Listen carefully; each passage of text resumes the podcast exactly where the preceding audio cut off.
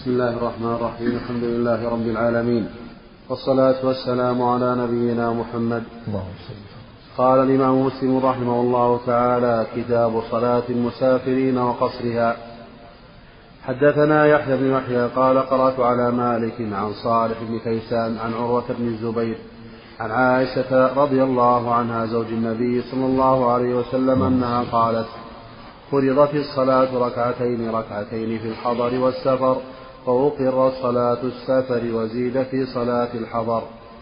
وحدثني أبو الطاهر وحرملة بن يحيى قال حدثنا ابن وهب عن يونس عن ابن شهاب قال حدثني عروة بن الزبير أن عائشة رضي الله عنها زوج النبي صلى الله عليه وسلم قالت فرض الله الصلاة حين فرضها ركعتين ثم أتمها في الحضر فأقر صلاة السفر على الفريضة الأولى.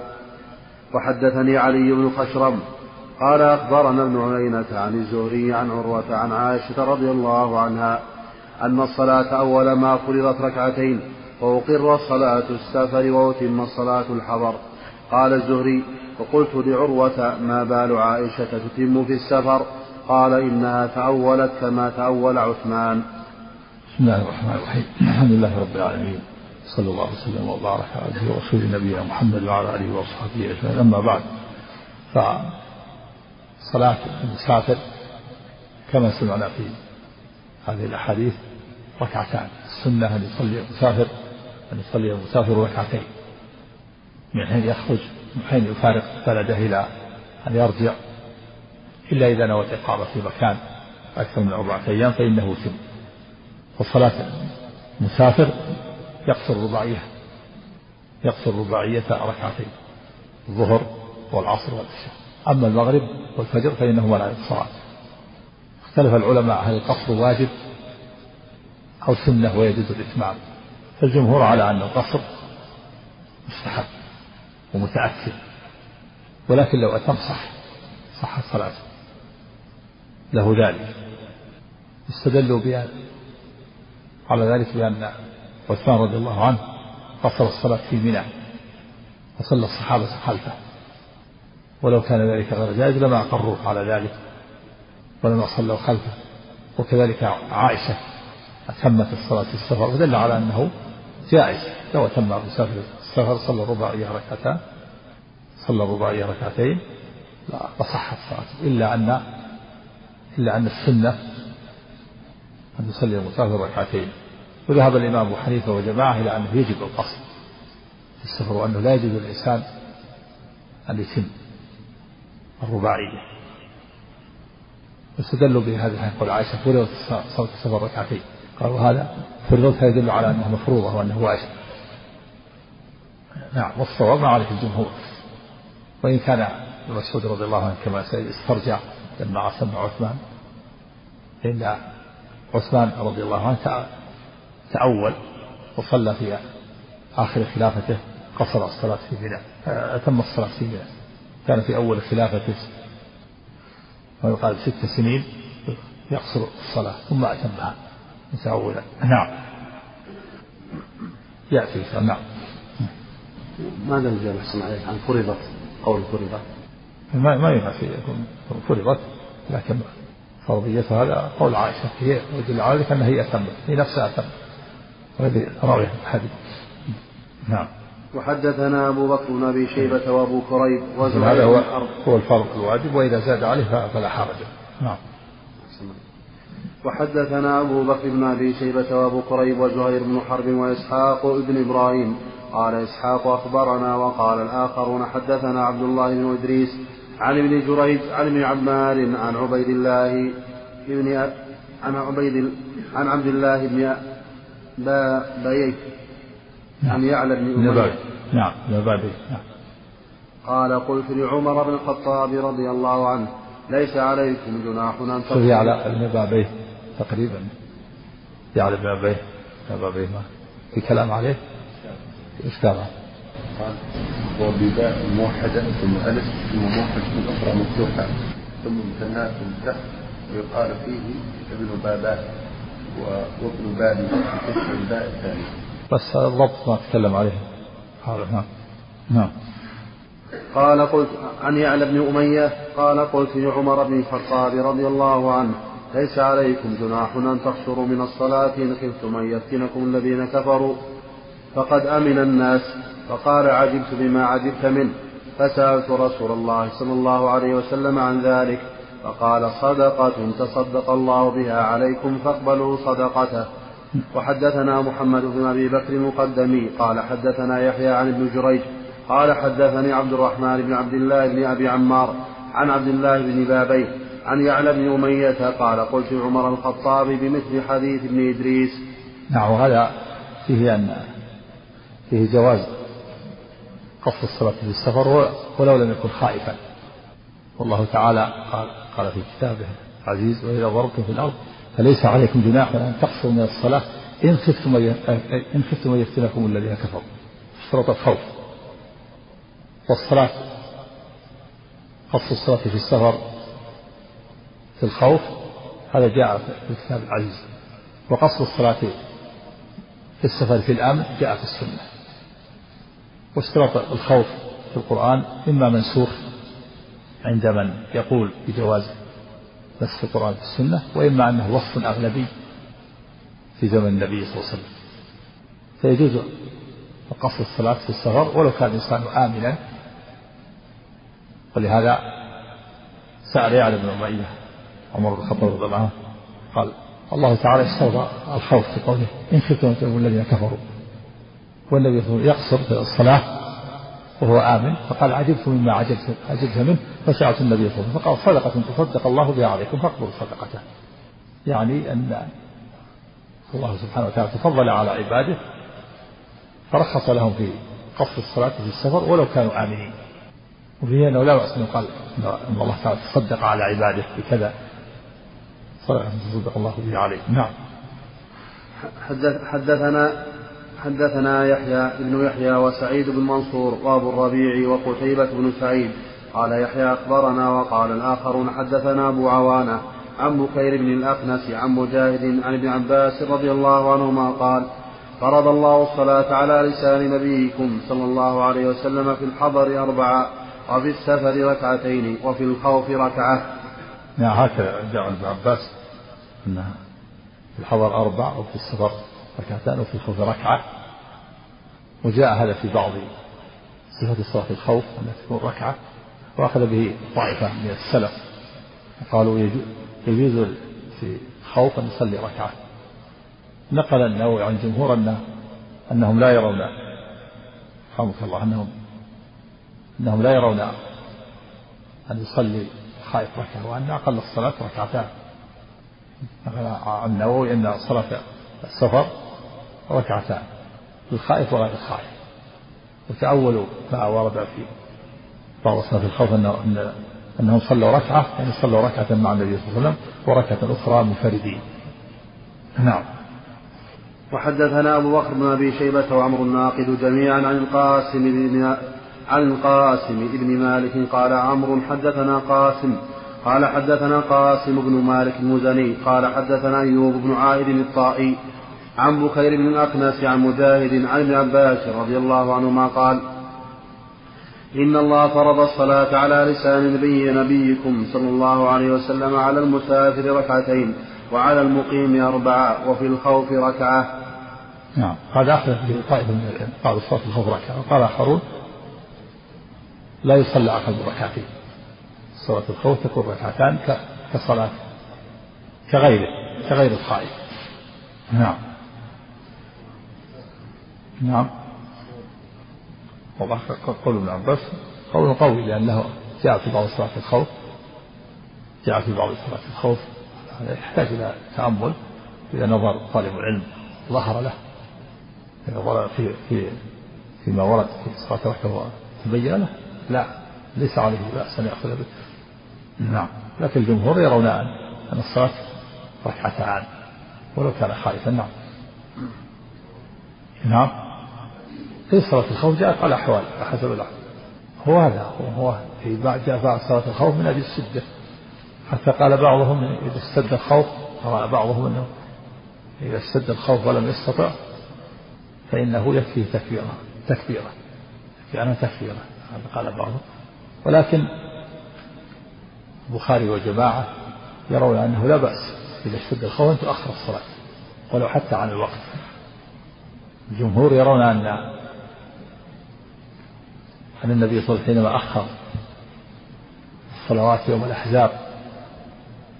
صلى العصر والمغرب وصلى في بعضها الظهر والعصر بعد المغرب قبل الشرع يستغفره فلما فرغ صلى يصلي الخوف وذهب الجمهور وذهب بعض العلماء البخاري وجماعة إلى أنه إذا اشتد الخوف ولم يستطيعوا الصلاة ولم يتمكنوا لهم أن يؤخروها ولو بعد خروج الوقت. واستدلوا بما فعله الصحابة. بعد وفاة النبي صلى الله عليه وسلم لما فتحوا تستر. فإنه حان وقت الفجر قبيل الفجر. ولم يتمكنوا من الصلاة. والصحابة متفرقون بعضهم على الأسواق بعضهم مقابل للعدو بعضهم على أسوار الحصن. ولو صلوا لما تم الفتح. ولا هجم عليهم العدو. فأخروا الصلاة حتى تمكنوا وفتحوا الأبواب وفتحوا الأسوار وتم الفتح ثم صلوها ضحى. فقال أنس ما يسرني أن بها أن بها حمر النعم؟ يعني أنه أخرها في الله ومن أجل الله. من أجل الجهاد في سبيل الله في سبيله فدل هذا على أن الصحابة يرون أنه إذا اشتد الخوف فلا بأس أن يؤخروها. نعم.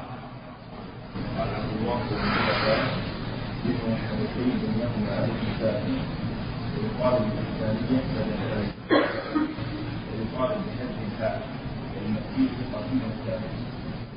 حذف الهاء. بابا. بابا أو بابي. ها؟ إيه، بابي. بابي أو بابا عند على اللفظ باباه أو بابي. نعم. نعم. حدثنا محمد بن مثنى بن بشار قال حدثنا محمد بن جعفر قال حدثنا شعبة قال سمعت قتادة قال سمعت قتادة يحدث عن موسى بن سلمة الهذلي قال سألت ابن عباس رضي الله عنهما كيف أصلي إذا كنت بمكة إذا لم أصلي مع الإمام. فقال ركعتين سنة أبي القاسم صلى الله عليه وسلم. نعم هذا صوت المصحف هذا السنة. نعم. وحدثنا محمد بن منهال الضريح قال حدثنا يزيد بن زريع قال حدثنا سعيد بن أبي عروبة حاء وحدثنا محمد بن مثنى وإذا صلى مع الإمام صلى أتم مع الإمام. المسافر إذا صلى مع الإمام الرباعيه صلىها اربعا وإذا صلى وحده أو مع المسافرين صلىها ركعتين. نعم. حاء وحدثنا محمد المثنى قال حدثنا معاذ بن هشام قال حدثنا أبي جميعا عن قتادة بهذا الإسناد نحوه. وحدثنا عبد الله بن مسلمة قعنب قال حدثنا عيسى بن حفص بن عاصم بن عمر بن الخطاب عن أبي رضي الله عنهم قال صحبت ابن عمر في طريق مكة قال فصلى لنا الظهر ركعتين ثم أقبل وأقبلنا معه حتى جاء رحله وجلس وجلسنا معه فحانت منه التفاتة فحانت منه التفاتة نحو نحو نحو حيث صلى فرأى ناسا قياما فقال ما يصنع هؤلاء؟ قلت يسبحون. قال لو كنت مسبحا أتممت, أتممت صلاتي. يا ابن أخي إني صحبت رسول الله صلى الله عليه وسلم في السفر فلم يزد على ركعتين حتى قبضه الله. وصحبت أبا بكر فلم يزد على ركعتين حتى قبضه الله. وصحبت عمر فلم يزد على ركعتين حتى قبضه الله. ثم صحبت عثمان فلم يزد على ركعتين حتى قبضه الله. وقد قال الله لقد كان لكم في رسول الله أسوة حسنة. هكذا ثم صحبت عثمان فلم يزد على ثم صحبت عثمان فلم يزد على ركعتين حتى قبضه الله. عثمان زاد في آخر كما سيأتي. بعده أنه لما مضى ست سنين من خلافته أتم الصلاة في في منى. تأول. وقوله إن رأى قوم يسبحون يعني يصلون صلاة الصبح. إنه رأى قوم يسبحون يعني يسبحون صلاة يصلون صلاة الصبح وهي النافلة. فقال لو كنت مسبحا يعني متنفلا لا أتممت الصلاة الفريضة أما التسبيح التهليل والتكبير بعد الصلوات هذا مشروع. في السفر وفي الحضر ليس المراد يسبحون يعني يأتون بالأذكار لا. المراد يسبحون يعني يصلون صلاة الصبح وهي النافلة. فالسنة المسافر ألا يصلي سنن الرواتب سنة الظهر سنة المغرب سنة العشاء. لا يصليها. أما سنة الفجر فلا تترك لا حضر ولا سفر وكذلك الوتر. وأما الصلاة النوافل المطلقة من صلاة الليل وصلاة الضحى تحية المسجد إذا دخل المسجد في البلد سنة الوضوء هذه مشروعة في كل وقت. لكن السنن رواتب فقط. راتبة الظهر القبلية والبعدية. وراتبة المغرب وراتبة العشاء يترك أما راتبة الفجر لا لا تترك كان النبي صلى الله عليه وسلم ولا حضرا ولا سفرا. نعم. يتأول العلماء هذه الرواية هل المراد أنها إتمام سيأتي يأتي الكلام عليه. نعم. حدثنا قتيبة بن سعيد قال حدثنا يزيد يعني بن زريع عن عمر بن عن عمر بن عن عمر بن محمد عن حفص بن عاصم قال مرضت مرضا فجاء ابن عمر يعود يعودني. قال وسألت عن السبحة في السفر فقال السبحة.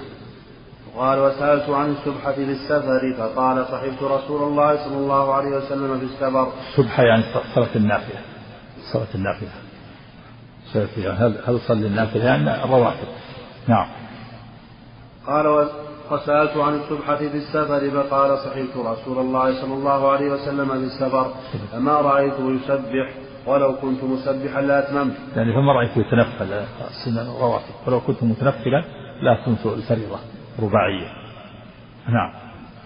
وقد قال الله تعالى لقد كان لكم في رسول الله أسوة حسنة. نعم. حدثنا خلف بن هشام وأبو الربيع الزهراني وقتيبة بن سعيد قالوا حدثنا حماد وهو ابن زيد. حاء وحدثني زهير بن حرب ويعقوب بن إبراهيم. قال حدثنا إسماعيل. كلاهما عن أيوب عن أبي قلابة عن أنس رضي الله عنه أن رسول الله صلى الله عليه وسلم صلى الظهر بالمدينة أربعة وصلى العصر بذي الحليفة ركعتين. عثمان عثمان رضي الله عنه. بعد ما مضى ست سنين من خلافته. أتم الصلاة في منى. وكان قبل ذلك يقصر الصلاة. كان النبي صلى الله عليه وسلم يقصر الصلاة في منى الحج. وأبو بكر كذلك وعمر وعثمان صدرا من خلافته ثم أتمها. تأول رضي الله عنه كما سيأتي في قصة ابن مسعود رضي الله عنه من تأول أنه قال بعضهم أنه تأهل أنه هناك. قال بعضهم أنه أنه صلى معه في تلك السنة أعراب فأراد أن يعلمهم أن الصلاة رباعية أو لغير ذلك من الأسباب. ذكر العلماء تأويلات وعلى كل حال له اجتهاد رضي الله عنه لكن الصواب أن السنة الإتمام القصر في السفر وعدم الإتمام هذا السنة. ولهذا ابن مسعود رضي الله عنه صلى خلف الصحابة لأن الخلاف لا ينبغي. ولما قيل ابن مسعود صليت خلفه بعد ما استرجع قال الخلاف شر يأتي الحديث. نعم. نعم. هذا في الحج يأتي الكلام عليه. نعم. حدثنا خالد بن هشام وأبو الربيع وقتيبة بن سعيد. حدثنا سعيد بن منصور قال حدثنا سفيان قال حدثنا محمد بن منكدر وإبراهيم بن ميسرة سمع أنس بن مالك رضي الله عنه يقول صليت مع رسول الله صلى الله عليه وسلم الظهر بالمدينة أربعة وصليت معه العصر بذي الحليفة ركعتين. نعم هذا في دليل على أن المسافر لا يقصر الصلاة إلا إذا فرق البلد أما إذا نوى السفر وهو في البلد فلا يقصر ولهذا فإن النبي صلى الله عليه وسلم لما نوى السفر صلى بالمدينة أربع ركعات. فلما سافر وفارق البلد ووصل العصر في ذو الحليفة في العصر صلى ذو الحليفة ركعتين مع أن ذو الحليفة قريبة قريبة من البلد. الأنصار في المدينة تابعة للمدينة فدل على أن المسافر لا يقصر الصلاة إلا إذا فرق البلد. يقصر ويترخص. أما في البلد فلا يترخص. فيه الرد على من قال من العلماء أنه إذا نوى السفر فإنه يقصر ولو كان في البلد. وهذا مروي عن عطاء وجماعة بعض أصحاب ابن مسعود مروي عن بعض الصحابة أنه إذا نوى السفر فإنه يقصر ولو كان في البلد. والصواب خلاف الصواب الذي عليه الجماهير خلاف هذا. وأنه لا يقصر ولا يترخص رخص السفر إلا إذا فرق البلد. والدليل على هذا هذا الحديث النبي صلى الله عليه وسلم صلى في المدينة لما في حجة الوداع لما تجهز السفر. تجهز السفر. حجة الوداع. لكنه صلى بالظهر أربع ركعات في المدينة أربع ركعات لأنه لم يفارق البلد. فلما ارتحل وفارق البلد وأدركه العصر في ذي الحليفة صلى ركعتين. دل على أنه لا يشرع المسافر ليس يشرع له الترخص برخص السفر حتى يفارق البلد. نعم. نعم. نعم. الظاهر يعتبر مفارقة لا المسافة بعيد. مطالب بياض الآن. نعم. نعم. إذا كان بلده إذا كان غير بلده يعتبر مسافر يصلي مع الناس يصلي مع الإمام أربع ركعات. الرباعية. أما إذا صلى وحده مع المسافرين قصر إلا إذا نوى في مكان أن يقيم أكثر من أربعة أيام عند جمهور العلماء أنه تنقطع أحكام السفر. من أول فريضة. لأنه عازم على أن لا يرتحل من هذا المكان إلا بعد أربعة أيام فإنه لا يترخص هذا الذي عليه جمهور العلماء. استدلوا بأن النبي صلى الله عليه وسلم لما في حجة الوداع وصل إلى مكة في اليوم الرابع من الحجة وأقام بالأبطح يقصر صلاة أربعة أيام وارتحل إلى منى في اليوم الثامن. قالوا ما زاد على هذه الأربعة أيام فإنه لا لا يترخص فإنما يترخص يوم أو يومين أو ثلاثة أو أربعة أيام. هذا إذا نوى إقامة يعني نوى, نوى الإقامة عازم على أن يقيم. أما إذا كان لم ينوي إقامة ولكن له حاجة ما يدري متى تنتهي هذا لا يزال يقصر ولو أقام مدة طويلة. كما فعل النبي صلى الله عليه وسلم في تبوك لو أقام تسعة عشر يوما يقصر الصلاة لأنه لم ينوي إقامة. وكذلك في فتح في فتح مكة. قام مدة تقصر الصلاة لأنه ما نوى الإقامة إنما إقامته عارضة لتثبيت قواعد التوحيد وهدم الشرك وما عليه أهل الجاهلية. نعم. أما السفر مدة السفر الذي تقصر فيه الصلاة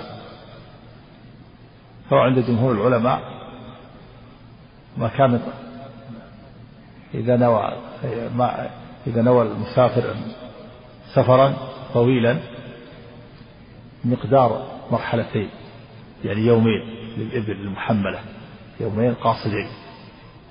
فإذا نوى هذه أن يسافر هذه هذه المسافة إذا نوى سفرا يقطع في هذه المسافة يومين للإبل المحملة بثقل الأحمال ودبيب الأقدام ثم مرحلتين فإنه يترخص. يرخص السفر وهذه اليومين قدر العلماء بأن أربعة فرد أربعة فرد والبريد أربعة فراسخ. تكون ستة عشر فرسخا والفرسخ ثلاث أميال. تكون 48 ميل. والميل كيلوين إلا ربع أو كيلوين إلا ثلث. فهي تقارب 80 كيلو. هذه المسافة المسافة عند جمهور العلماء. هذه مسافة السفر ذهب الإمام أبو حنيفة وجماعة إلى أنها ثلاث مراحل ثلاث أيام أو ثلاث أيام.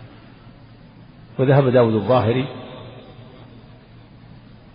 والظاهرية إلى أنه لا لا تتحدد المدة. أي مسافة له أن يقصر فيها ولو كان ثلاثة أيام. يعني ما قال ستة كيلو. وإلى هذا ذهب الشيخ الإسلام ابن تيمية رحمه الله إلى أن المسافة ما تتحدد كل ما يسمى سفر فإنه يترخص السفر كل ما يسمى سفر واحتاج إلى حمل الزاد والطعام والماء. هذا تقصر فيه الصلاة من غير تحديد لكن جمهور العلماء حددوا بهذا. والجمهور أيضا على أنه لا بد أن يكون السفر مباح. إن كان سفر معصية فلا يترخص.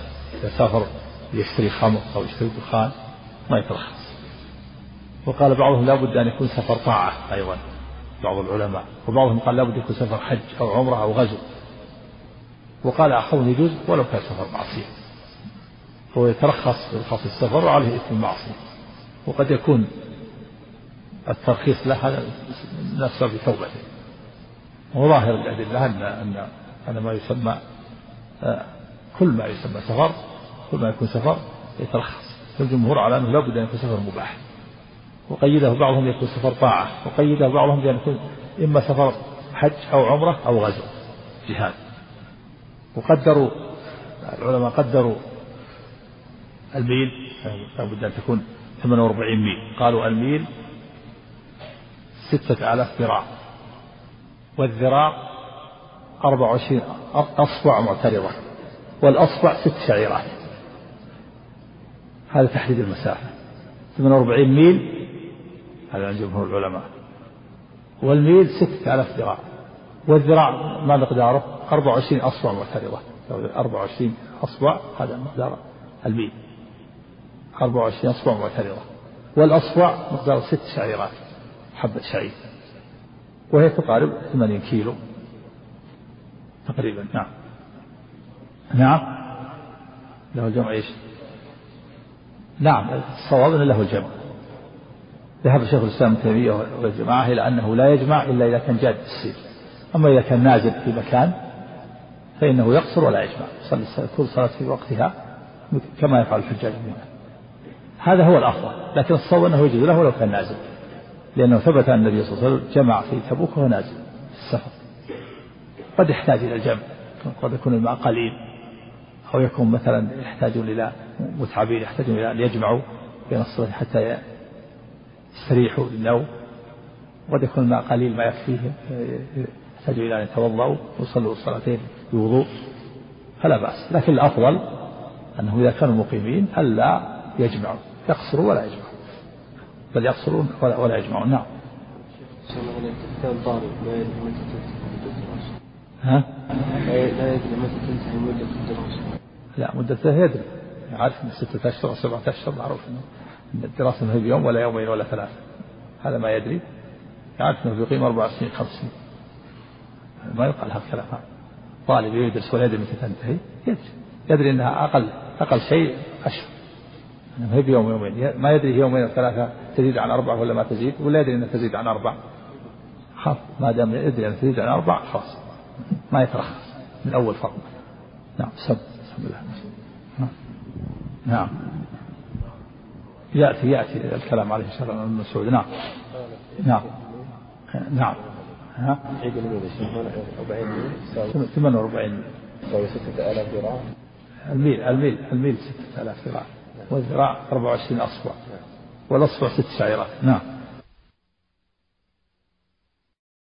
وحدثناه أبو بكر بن أبي شيبة ومحمد بن بشار كلاهما عن غندر. قال أبو بكر حدثنا محمد بن جعفر غندر عن شعبة. والميل يقارب كيلوين إلا ثلث تقريبا. كيلوين إلا ثلث أو كيلو إلا ربع تقريبا. نعم. نعم. قال أبو بكر حدثنا محمد بن جعفر غندر عن شعبة عن يحيى بن يزيد الهنائي. قال سألت عن الهنا الهنائي.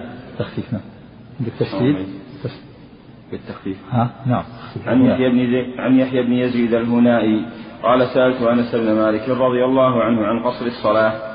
فقال كان رسول الله صلى الله عليه وسلم إذا خرج مسيرة ثلاثة أميال أو ثلاثة فراسخ شعبة الشاك صلى ركعتين. هذا من الأدلة الظاهرية أنه أنه لا تتحدد المدة نعم. حدثنا زهير بن حرب ومحمد بن بشار جميعا عن ابن مهدي.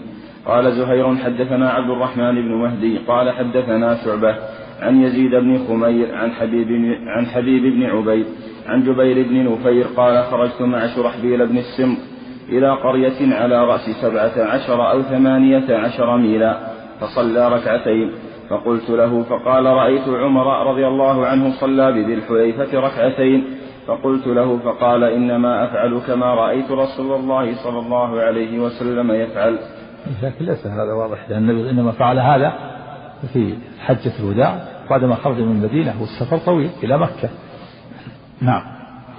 حدثنا محمد بن المثنى قال حدثنا محمد بن جعفر قال حدثنا شعبة بهذا الإسناد وقال عن ابن السن ولم يسم شرحبيل وقال إنه أتى أرضا يقال لها دومين دومين من حمص على رأس ثمانية عشر ميلا. حدثنا يحيى بن يحيى التميمي قال أخبرنا هشيم عن يحيى بن أبي إسحاق عن أنس بن مالك رضي الله عنه قال خرجنا مع رسول الله صلى الله عليه وسلم من المدينة إلى مكة فصلى ركعتين ركعتين حتى رجع. قلت كم أقام بمكة؟ قال عشرا. نعم هذا قام عشر لأنه وصل إلى مكة في اليوم الرابع من الحجة وأقام أربعة أيام ثم ستة أيام وقفل راجعا في اليوم الرابع عشر صباح اليوم الرابع عشر عشرة أيام. مدة إقامة هذا نعم. وحدثناه قتيبة قال حدثنا أبو عوانة حاء وحدثناه أبو كريب قال حدثنا ابن علية جميعا عن يحيى بن أبي إسحاق عن أنس رضي الله عنه عن النبي صلى الله عليه وسلم بمثل حديث هشيم وحدثنا عبيد الله بن معاذ قال حدثنا أبي قال حدثنا شعبة قال حدثني يحيى بن أبي إسحاق قال سمعت أنس بن مالك رضي الله عنه يقول خرجنا مع خرجنا من المدينة إلى الحج ثم ذكر مثله. وحدثنا ابن نمير قال حدثنا أبي حاء وحدثنا أبو كريب قال حدثنا أبو أسامة جميعا عن الثوري عن يحيى بن أبي إسحاق عن أنس رضي الله عنه عن النبي صلى الله عليه وسلم بمثله ولم يذكر الحج. حدثنا حرملة بن يحيى قال حدثنا ابن وهب قال أخبرني عمرو وهو ابن الحارث عن ابن شهاب عن سالم بن عبد الله عن أبيه رضي الله عنه عن رسول الله صلى الله عليه وسلم أنه صلى صلاة المسافر بمنى بمنى وغيره ركعتين وأبو بكر وعمر رضي الله عنهما وعثمان رضي الله عنه ركعتين صدرا من خلافته ثم أتمها أربعا نعم عن أنس. عن سالم بن عبد الله. عن سالم سبق أن أنس ذكر أنه أطلق قال صلى عثمان ركعتين. نعم صدرا من خلافته ست سنوات ثم بعد ذلك تأول رضي الله عنه. وأتم الصلاة في منى. نعم. عن سالم بن عبد الله عن أبيه رضي الله عنه عن رسول الله صلى الله عليه وسلم أنه صلى صلاة المسافر بمنى وغيره ركعتين وأبو بكر وعثمان وأبو بكر وعمر وعثمان رضي الله عنهم ركعتين صدرا من خلافته ثم أتمها أربعا وحدثناه زهير بن حرب قال حدثنا الوليد بن مسلم عن الأوزاعي حاء وحدثناه إسحاق وعبد بن حميد قال أخبرنا عبد الرزاق قال أخبرنا معمر جميعا عن الزهري بهذا الإسناد قال بمنى ولم يقل وغيره. وحدثنا أبو بكر بن أبي شيبة قال حدثنا أبو أسامة قال حدثنا عبيد الله عن نافع عن ابن عمر رضي الله عنهما قال صلى رسول الله صلى الله عليه وسلم صلى الله عليه وسلم بمنى ركعتين. وأبو بكر بعده وعمر بعد أبي بكر وعثمان صدرا من خلافته ثم إن عثمان صلى بعد أربعا فكان ابن عمر رضي الله عنهما إذا صلى مع الإمام صلى أربعا وإذا صلاها وحده صلى ركعتين. هذا السنة إذا صلى المسافر إذا صلى مع الإمام المقيم صلى الرباعي يصلي أربعة. وإذا صلى وحده أو صلى مع المسافرين قصر الصلاة. فإذا صلى مع المقيمين يثم تبع الإمام. نعم. وحدثنا ابن المثنى وعبيد الله بن سعيد قال حدثنا يحيى وهو ابن القط وهو القطان. حاء وحدثناه أبو كريب قال أخبرنا ابن أبي زايدة. حاء وحدثناه ابن نمير قال حدثنا عقبة بن خالد. كلهم عن عبيد الله بهذا الإسناد نحوه. وحدثنا عبيد الله بن معاذ قال حدثنا أبي قال حدثنا شعبة عن خبيب بن عبد الرحمن أنه سمع حفص بن عاصم عن ابن عمر رضي الله عنهما قال صلى النبي صلى الله عليه وسلم بمنى صلاة المسافر وأبو بكر وعمر وعثمان ثمانية سنين أو قال ست سنين. قال حفص وكان ابن عمر يصلي بمنى ركعتين ثم يأتي فراشه. فقلت أي عم لو صليت بعدها ركعتين. قال لو فعلت لأتممت الصلاة. وحدثناه يحيى بن حبيب قال حدثنا خالد يعني ابن الحارث. وحدثنا ابن المثنى قال حدثني عبد الصمد قال حدثنا شعبة بهذا الإسناد ولم يقولا في الحديث بمنى ولكن قال صلى في السفر. حدثنا قتيبة بن سعيد قال حدثنا عبد الواحد عن الأعمش قال حدثنا إبراهيم قال سمعت عبد الرحمن بن يزيد يقول صلى بنا عثمان رضي الله عنه بمنى أربع ركعات فقيل ذلك لعبد الله بن مسعود رضي الله عنه فاسترجع. ثم قال صليت مع رسول الله صلى الله عليه وسلم بمنى ركعتين وصليت مع أبي بكر الصديق بمنى ركعتين وصليت مع عمر بن الخطاب بمنى ركعتين فليت حظي من أربع ركعات ركعتان متقبلتان. مع عبد الرحمن بن يزيد من أصحاب الله بن مسعود. قال صلى عثمان رضي الله عنه في آخر حياته في منى أتم أربع ركعات. فقيل لابن مسعود يعني وقد صلى خلفه.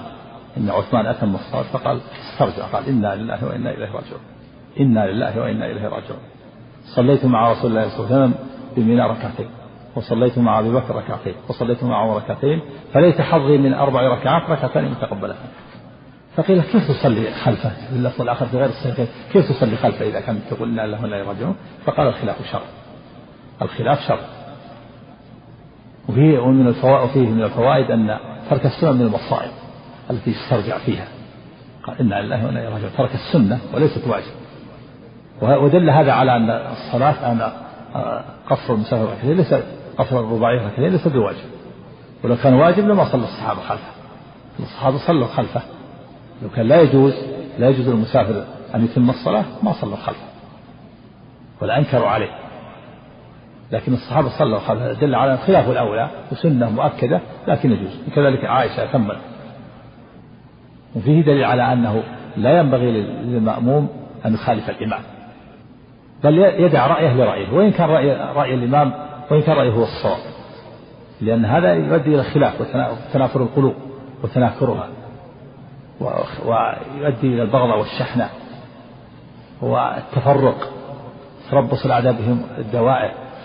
يجب على المصلين وعلى المسلمين أن تكون كلمتهم واحدة والمأموم عليه أن يدع رأيه وإن كان يرى أنه هو الصواب لرأي الإمام ومن ذلك أن أبا يوسف الصاحب الثاني لأبي حنيفة كان يرى أن الحجامة تنقض الوضوء.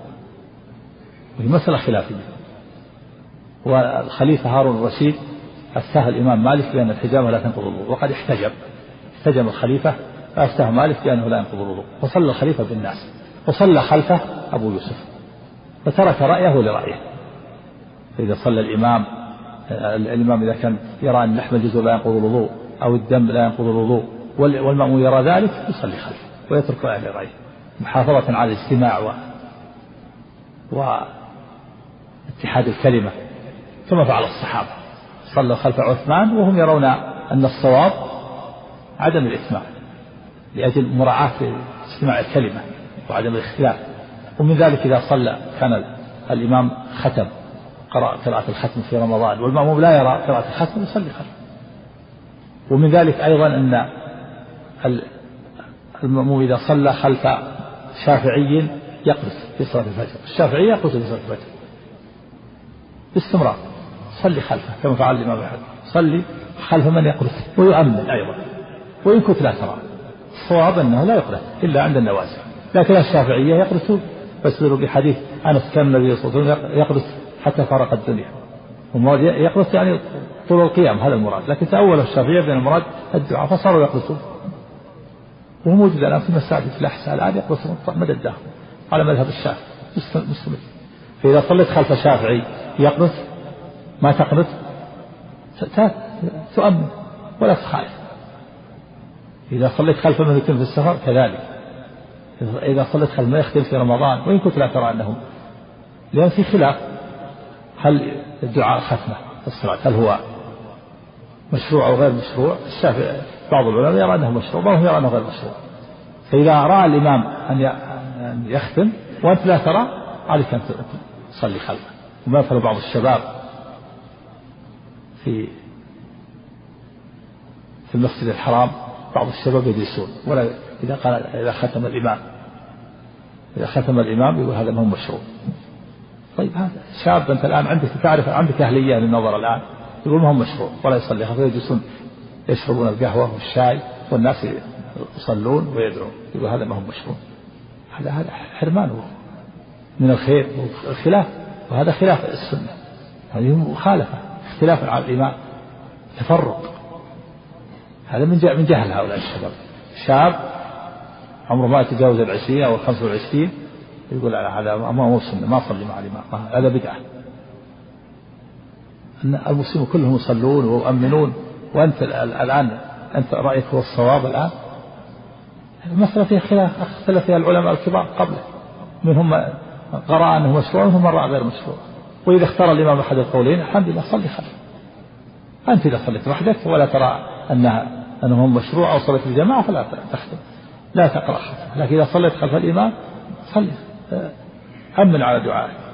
كما صلى الصحابة خلف عثمان ولما أتم الصلاة وهم لا يرون أن الإتمام سنة يرون أن السنة القصور مع ذلك صلوا خلفه وكما صلى الإمام أحمد خلف من يقرأ في صلاة الفجر وهو لا يرى القنوت هذا من قلة البصيرة. قلة البصيرة وقلة العلم قلة الحصيلة العلمية. الشرعية جعل هؤلاء الشباب يجلسون.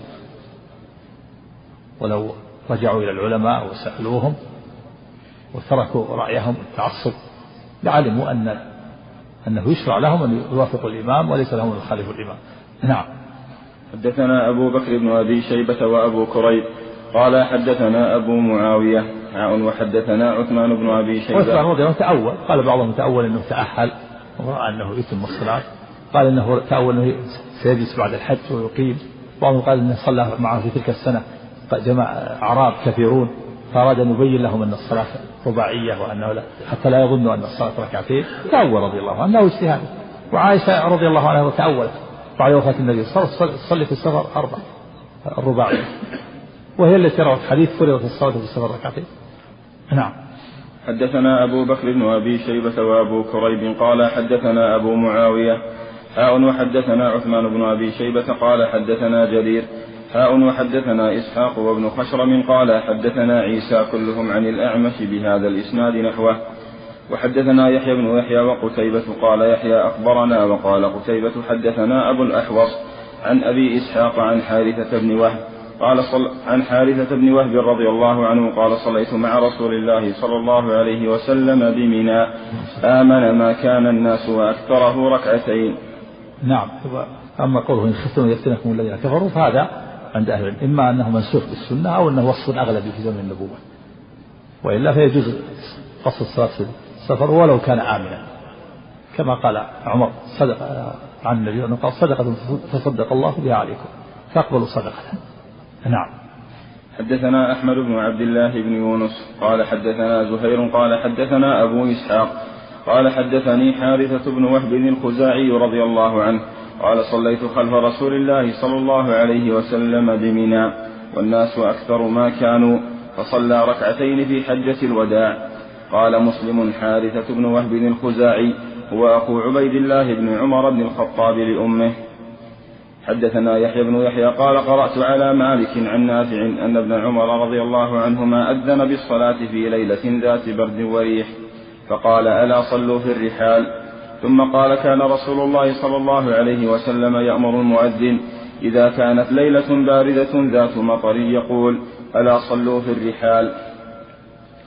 حدثنا محمد بن عبد الله بن نمير قال حدثنا أبي قال حدثنا عبيد الله قال حدثني نافع عن ابن عمر رضي الله عنهما أنه نادى بالصلاة في ليلة ذات برد وريح ومطر فقال في آخر ندائه ألا صلوا في رحالكم ألا صلوا في الرحال.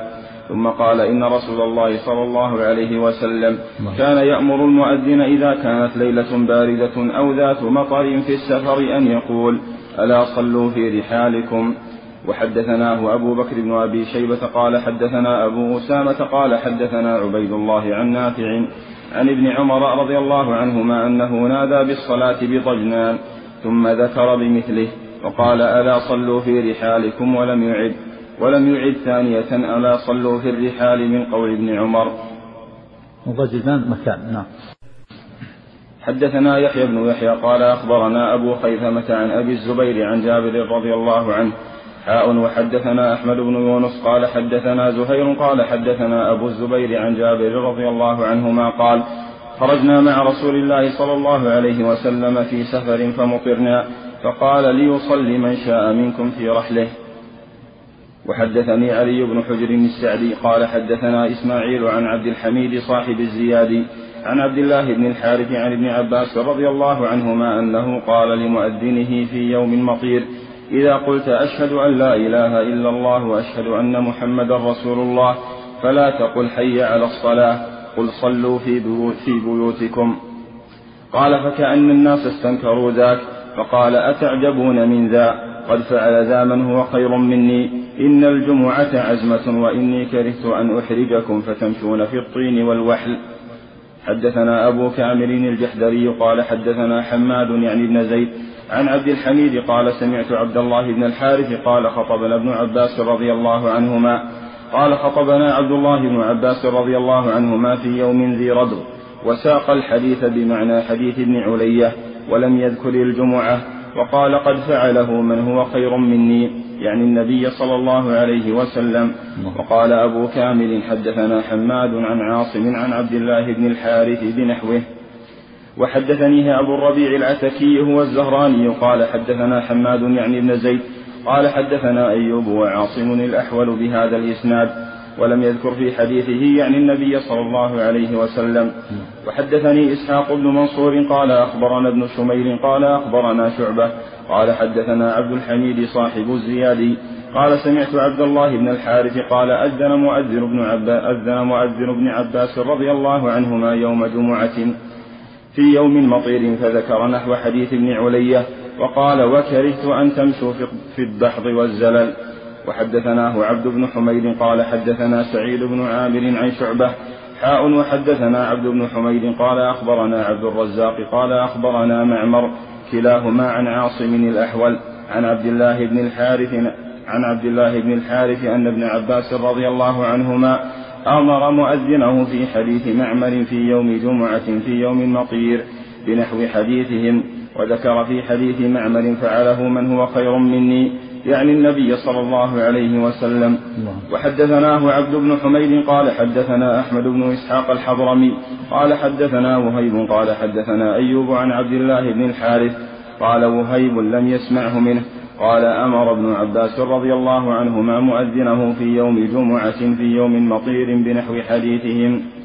حدثنا محمد بن عبد الله بن نمير قال حدثنا أبي قال حدثنا عبيد الله عن نافع عن ابن عمر رضي الله عنهما أن رسول الله صلى الله عليه وسلم كان يصلي سبحته حيثما توجه هذه هذه الأحاديث حديث ابن عمر وحديث جابر وحديث ابن عباس فيها دليل على أن المطر عذر.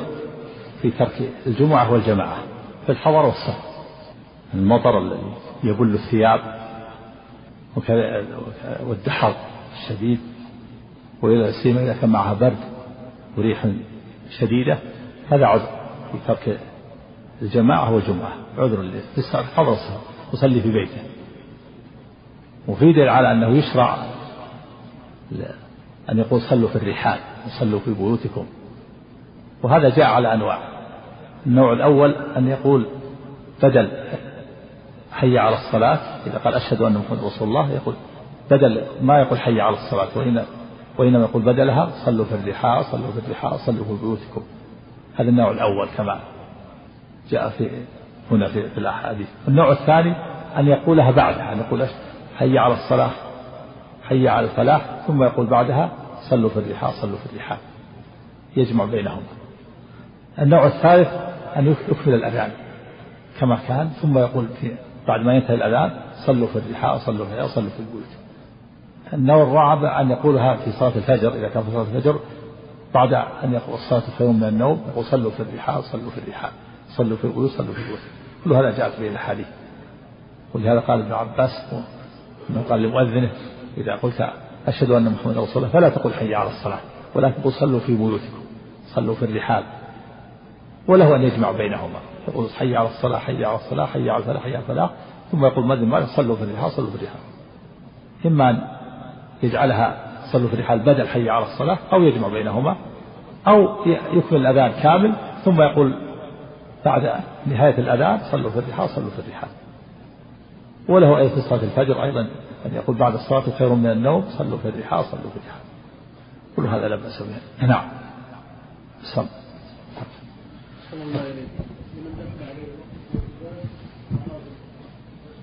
أراد إيش؟